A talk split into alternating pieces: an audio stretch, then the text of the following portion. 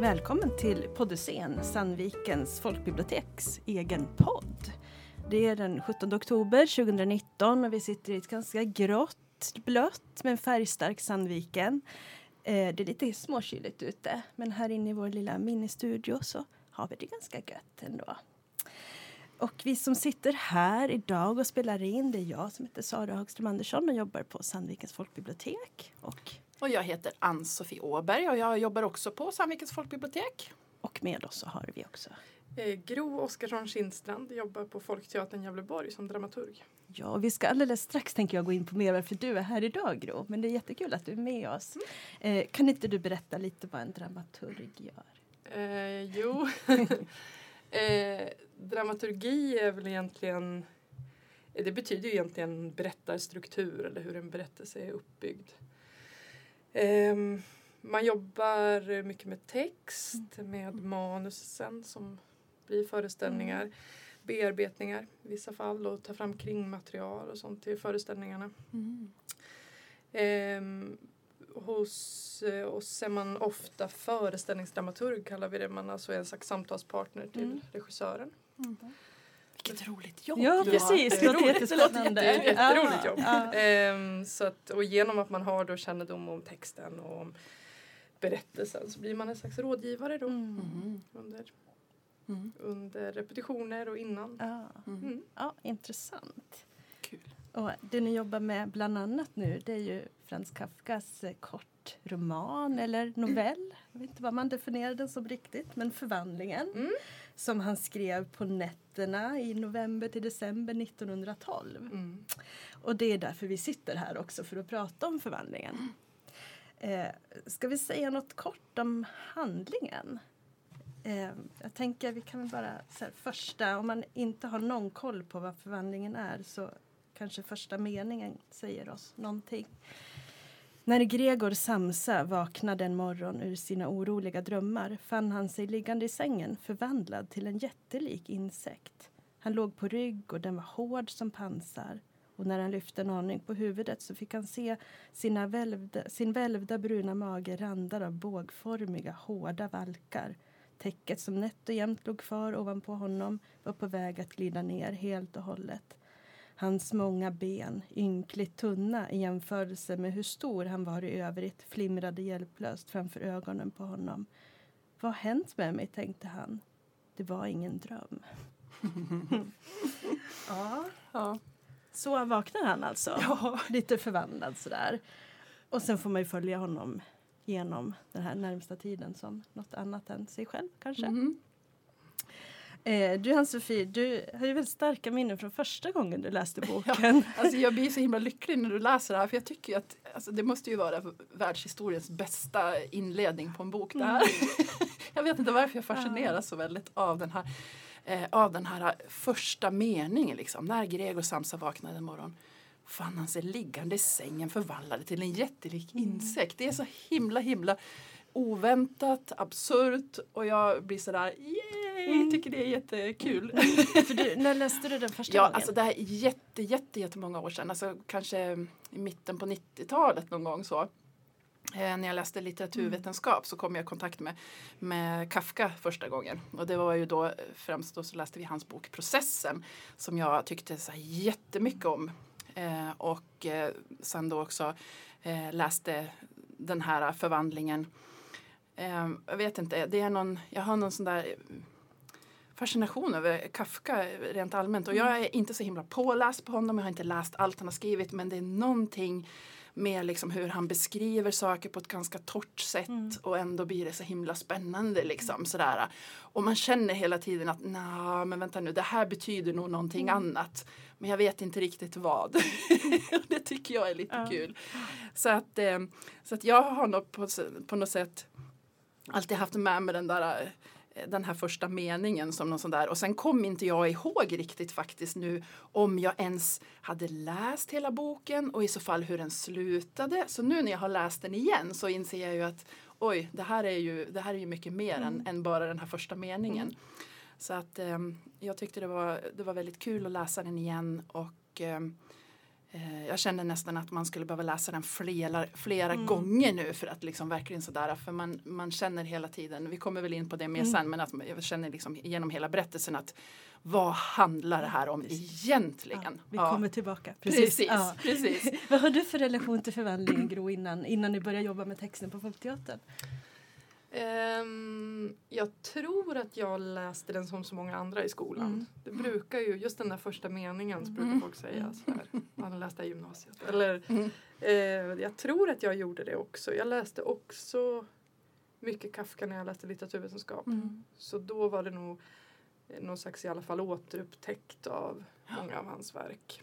Så att, eh, men jag tycker att det är något så fantastiskt med det här förhållningssättet som finns i mycket av Kafkas, eller många av Kafkas verk. Den här, det händer någonting helt absurt, helt Mm. vansinnigt. Och Mm. sen från och med att det har hänt så är det bara någon slags realism hur man skulle hantera det. Mm. Ja, just det. Mm. Att okej, istället för att ja, du knackar på, på morgonen knackar du på dörren till ditt barns rum. Och så är det inte ett barn där, det är en jätte, jättestor Mm. insekt. Och då måste man liksom hantera, tänk om det är mitt Mm, barn som har mm. förvandlats till en insekt, Ja. hur gör jag då? Ja. Eh, hur, eller är det inte det och någon Mm. som har liksom tagit sig, alltså på något vis det- det är ju en helt bisarr tanke men det är just det där, alltså Mm, det mötet mm, mellan en, en vansinnig grundpremiss och sen att människor försöker hantera den. Mm. Ja, just det. Jag tycker att det är Hålla god min nästan. ja, ja, och kanske sörja eller Ja. glädjas Mm. eller liksom eh, ändå intala sig eller trösta varandra. Mm. Alltså, Mm. Jag tycker att det är, Mm. fa- det är en fantastisk premiss för en berättelse. Mm. Mm. Mm. Jag tänker också, just som du säger där med att man förhåller sig på något sätt realistiskt till det som händer. Att Gregor Samsa när han vaknar där, att hans första fokus är ja men hur ska jag ta mig till jobbet? Ja. Hur ska jag få upp dörren och komma till jobbet? Snart Mm. kommer ju chefen och knacka på. Och det Ja. gör ju chefen också. Mm. Men eh, vem är den här Gregor? Ja, Vad, har han för, vad är han i för familj? Och, Gregor, han är ju...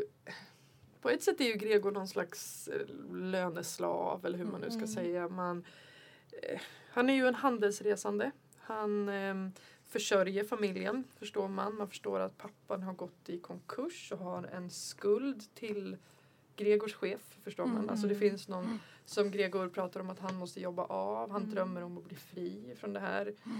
Han drömmer också å sina, å sin systers vägnar att skicka henne till musikhögskolan. Mm. Ehm, Så han jobbar ju egentligen jämt. jobbar jämt, Mm. precis. Och han är alltid ute och reser och Mm. bor borta. Och man förstår ju där, han har ju låst in sig i början och det står ju också i någon bisats där att han har fått för vana att göra det för att han är ute och reser och i, så, bor på så skumma Mm. ställen. Och Mm. han säljer varuprover på Ja, är det tyg eller något? Jag vet inte Ja, ens om det är faktiskt. eller, alltså, eller ja. Men, ehm, men och, och det, är all, det är en firma där aldrig någonsin någon är nöjd och man ska alltid Mm. jobba mer och mer. Så att han är ju någon slags ehm, ja, slav under det där. Mm. Och vissa kanske tänker att det är Kafka själv. Det är väl inte en helt orimlig Nej, tolkning. Det är väl en precis. vanlig, Mm. vanlig tolkning. Mm. Mm. I, jag tänker att Alltså han är ju också en insekt. Alltså, Mm. på, eller Mm. vad man nu ska säga. vad På man- svenska ja, i alla precis. fall är han ju det. På, på tyska är han väl ohyra tror jag. Ja. Mm. Och sen i vissa översättningar så skriver man skalbagge. Ja, Mm. Men det är ju väldigt... Det är som att man lägger tolkningen Ja, men man redan lägger där på något tolkning Att, att- vi att måste han har sätta ett- ord på vad han är för någonting. Eller Precis. han har ett hårt skal och han Mm. har små ben och så Mm. tänker man sen en skalbagge. Ja. Men det är väl ingen... Och- Kafka skriver väl inte det någonstans att det är just en Nej, skalbagge. han skriver ohyra och sen så Mm. den här i slutet är det ju en städerska Mm. som kallar honom dyngbagge tror jag. Just det. Och det tror jag är på tyska originalet också, dyngbagge. Men så man Mm. vet ju inte riktigt. Men Kafka har kallat honom insekt i andra sammanhang. Mhm. I brev till förläggare och sådär. Mm. Då har han Mm. sagt insekt. Så att, Mm. Mm. Mm. För jag tänker ohyra, det ligger ju... Det ligger en helt annan... Mm. Det ligger någonting helt annat i det ordet på något sätt. Liksom. Det kan man ju Verkligen. tolka på en massa andra sätt Ja. än en insekt. Mm. Liksom. För Mm. ohyra det är ju någonting... Det, det är något annat. Mm. Verkligen och speciellt och det är ju inte heller en ovanlig tolkning men speciellt med tanke på att Kafka kommer från en judisk Mm, familj. och det. den här Precis. skrevs Mm, just liksom tidigt 1900-tal. Mm, Alltså det började mm. ändå hända mycket. Mm. Liksom, han är uppvuxen i, alltså, i Europa under den här tiden. Just Det är liksom, Mm. Så att det, det, Det ligger ju helt andra spännande. Mm. bilder i det Mm. Just det. självklart. Såklart. Mm. Ja precis, vi kommer in på det nu redan med vilka, alltså att man kan göra många olika tolkningar Mm. och har väl gjort olika tolkningar genom tiden. Vad tänk- Man får ju nästan liksom lite behov av det Ja, när man läser precis, det. Att, herregud, jag vill precis. tolka det här på Ja. något sätt. Ja. Exakt. Vad ligger närmast det liksom? Jag tänker som läsare av 2019. Det är svårt kanske att bortse från ja, men just Kafka som person eller tiden han skrev i. Men jag tänker den, eftersom den har ändå levt kvar så Mm. Mm. länge så tänker jag att den, den verkligen öppnar för att fortsätta tolkas på något sätt. Men Kafka har ju också ett fantastiskt sätt att ge exakt så mycket detaljer som man behöver för att sen Mm. få fantisera fritt. Eller man, Just det. Som att man hela tiden tror att man har fått hela bilden men man inser att man har fyllt i själv på något vis. Jag tycker Mm. att han, eh, vi hade en diskussion tidigt i processen när vi gjorde bearbetningen till, till scen. Mm. Liksom. Så det var innan vi började repetera så pratade jag och Anna Pareto då, som regisserar Mm. föreställningen. Så här, ja men hur stor är Gregor? Aha. Och då var vi så här, ja, han är en jättelik insekt. Han är, och så, det finns ju en scen, eller vad man nu ska säga, det finns en del Mm. av i boken när han skjuter en stol till fönstret Mm. för att stå och Mm. luta sig mot stolen. Så då, ja, då kan man ju tänka sig att det är någonstans stolshöjd liksom, om man ändå kan sätta upp. Mm. Och han, han kan vrida om nyckeln med, Mm. med munnen. Så Mm. där kanske, men vad är det då? Är det Mm. en och, Ja. en och tio, en och tjugo? Alltså, Alltså, ja, precis. Alltså så, och där Ja. tänker jag det var ett sånt bra exempel på just att Kafka har gett massa små Mm. men han har absolut inte berättat allt. Mm. Eller, Nej, just det. eh, det är ju ganska detaljerat i berättelsen först och sen plötsligt har det gått flera veckor. Mm. Mm. Och då har han legat. Alltså det, Mm. och där tänker jag att det, det finns någonting så fantasieggande i just det där att han, hela, han liksom matar oss precis så mycket som vi behöver för att sen spinna Mm. vidare Mm. Mm. och göra en egen Gregor Mm. på något vis. Mm. Eh, och det är kanske därför den har, eh, en av anledningarna till att den har levt kvar. Tänker att du sa så här, vilken är 2019 Mm. liksom Gregor? Och det är väl just det att man kan göra en Gregor för varje tid på något Mm. vis. Eh, I relationen till arbete eller relationen Mm. till kropp eller vad betyder det att förvandlas eller vad betyder det att inte ta sig upp ur sängen? Mm. Mm. Där vi kanske har en helt annan erfarenhet av utbrändhet Mm, eller precis. liksom alltså en andra generation. Ja. Alltså, Mm. nu hittar jag bara på någonting. Mm. Men ja, det är liksom, men det är det vi skulle Mm. göra tänkte jag säga. Har du någon sån här 2019 års? Har jag någon 2019? Tolkning. Ja.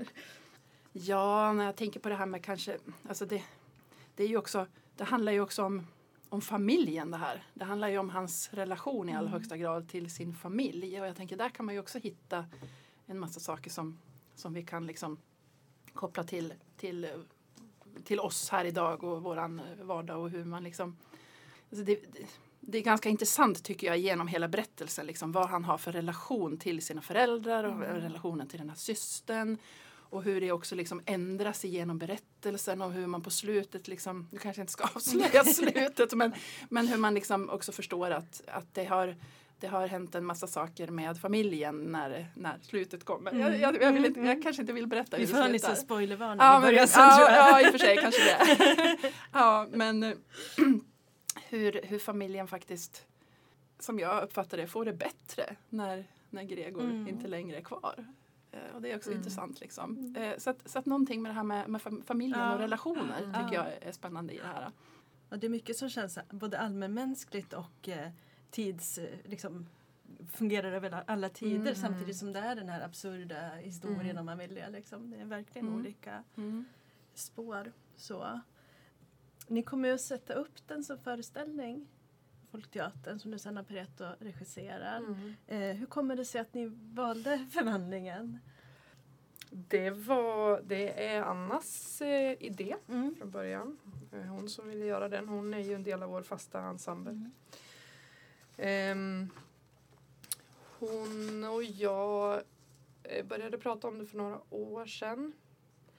Ehm, så att det är ju, det är ju inte, vi är ju inte de första som gör teater av förvandlingen. Mm. Den är ganska åtråvärd att Mm, göra teater. mm.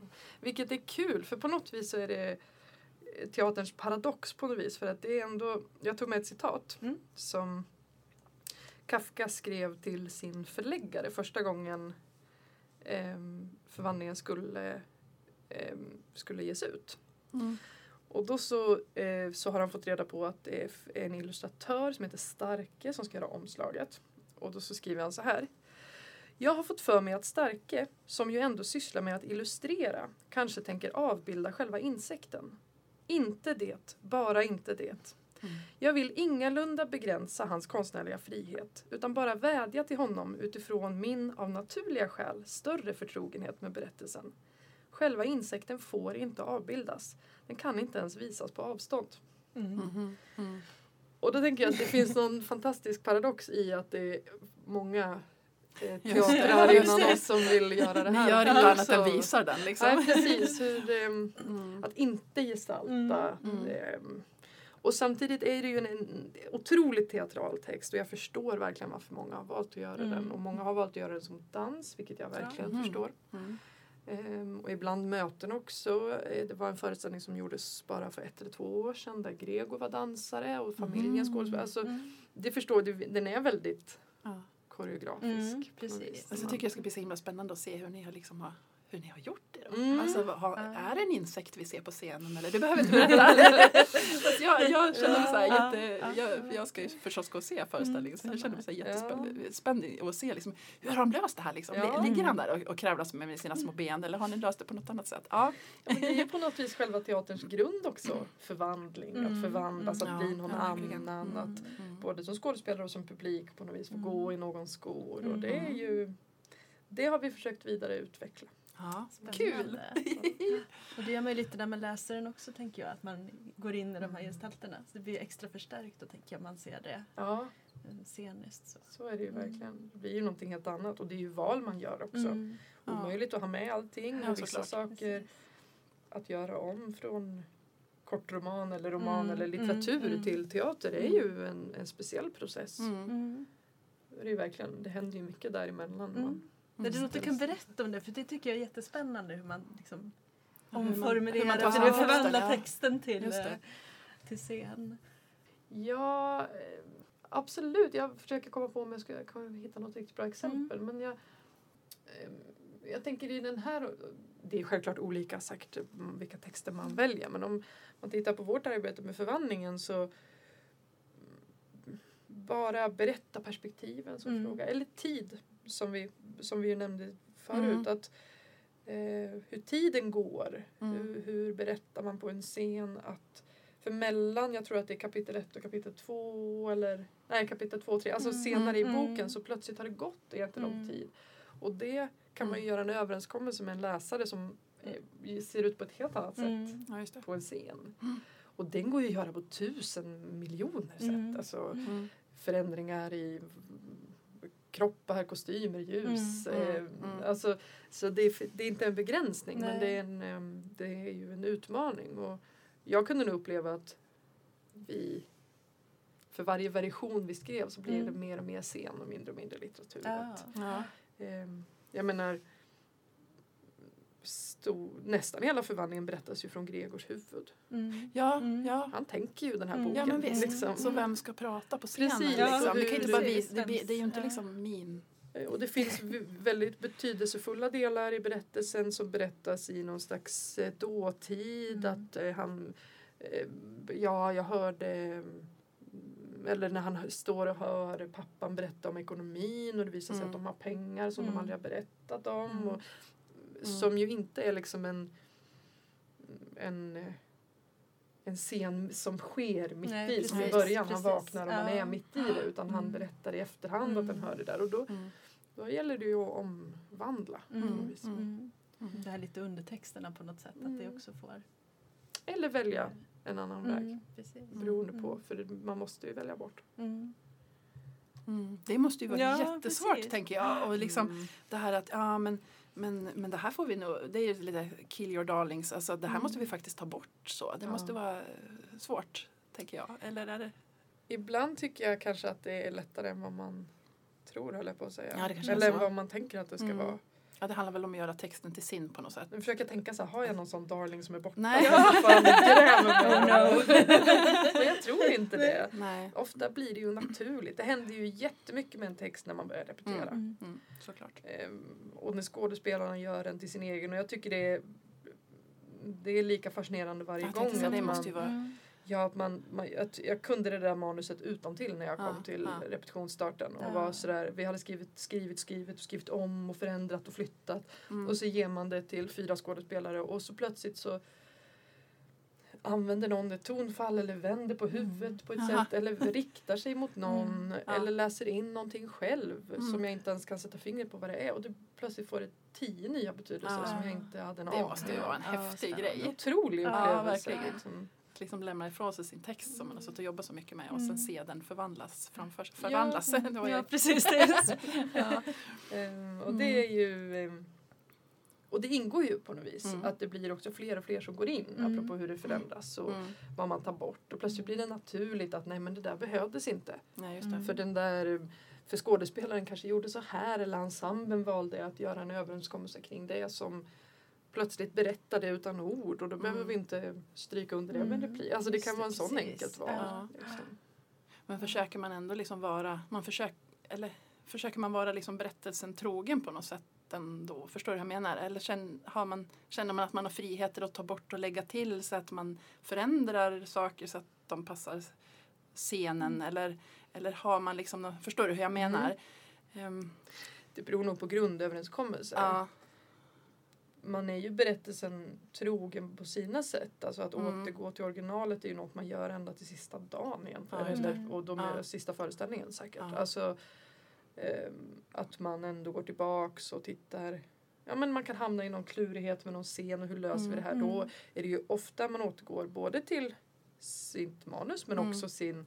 Sitt original. Mm. Liksom, till Ibland kan man ju bli lite upprörd tänker jag när man ser en film och så har man läst Ja. boken Mm. innan. Så, nej men de har ju tagit Ja. bort det här Mm, eller de precis. har ju Ja. ändrat på slutet och då, sådär. Men jag Ja. tänker det, det, det ligger ju i, i det, det är ju två olika sätt att presentera en text så att det kanske Ja. blir så. Det blir så. Naturligt. Någonstans kan jag tycka att det finns någonting jag håller med dig om upplevelsen. Man tycker man har själv tagit med sig någonting väldigt Mm. starkt efter en upplevelse och förstår inte hur de kunde välja något. Nej. Men samtidigt finns det ju någonting väldigt så här. Jag tycker man kan känna någon vördnad inför Mm.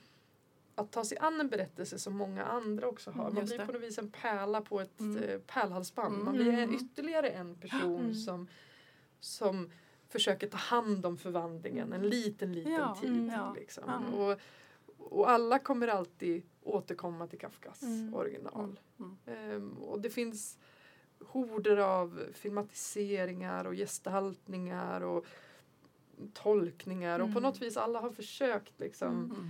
eh, omhänderta den här Mm. Mm. ehm, lilla, lilla berättelsen. Mm. Liksom. Mm. Och det kan jag tycka är på något vis ett, ett eh, tilltalande sätt att se på det. För då Mm. blir det också det betyder inte att det blir förminskat hur du väljer att tolka eller vad du tar Mm. bort eller Nej, nej. Men, men eh, det blir en av läsningarna som på något Mm. vis blir...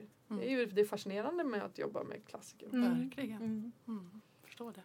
Jag tänker på, Kafka har ju skrivit en del om processen när han skrev förvandlingen Mm. i brev till exempel till sin tjej eller vad man ska Ja, säga, fästmö. Precis. Eh, och man förstår att han kanske inte var helt nöjd. Han tyckte den var lite, kanske lite för otäck. Han vill gärna att de ska hålla handen när han läser den för henne. Och sådär. Och slutet var väl lite... Ja. Vad hade han tyckt, tror ni, om det här? Att den, den lever ju kvar så otroligt starkt. Och som du säger, i filmer och Mm. teater, liksom dramatiseringar och nyöversättningar och nyutgivningar. Eftersom han själv inte var så jättefascinerad av den så kanske han skulle bli förvånad. Då.